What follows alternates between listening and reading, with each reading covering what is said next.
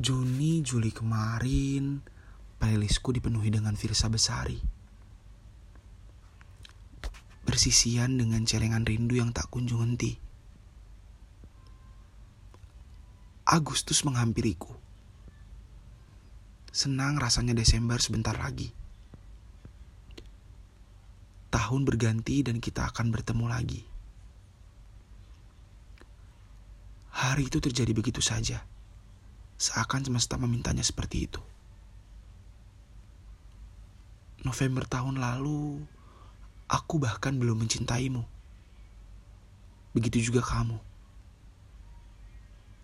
Sekarang, rasanya sangat sulit jika berbicara kota Padang tanpa melibatkanmu.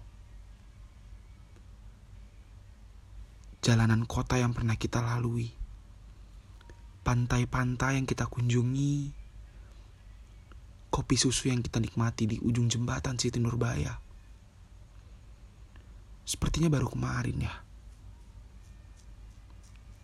Ternyata waktu berjalan begitu cepat.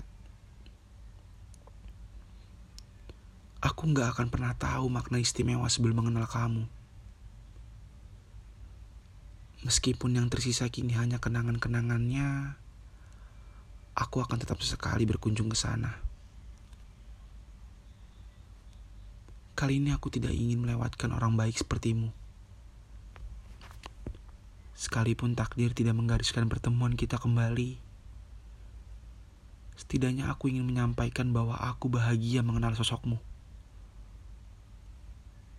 Dan yang pasti, terima kasih karena masih bisa percaya, dipercaya, dan mempercayakan sesuatu kepadaku. Terima kasih untuk segalanya.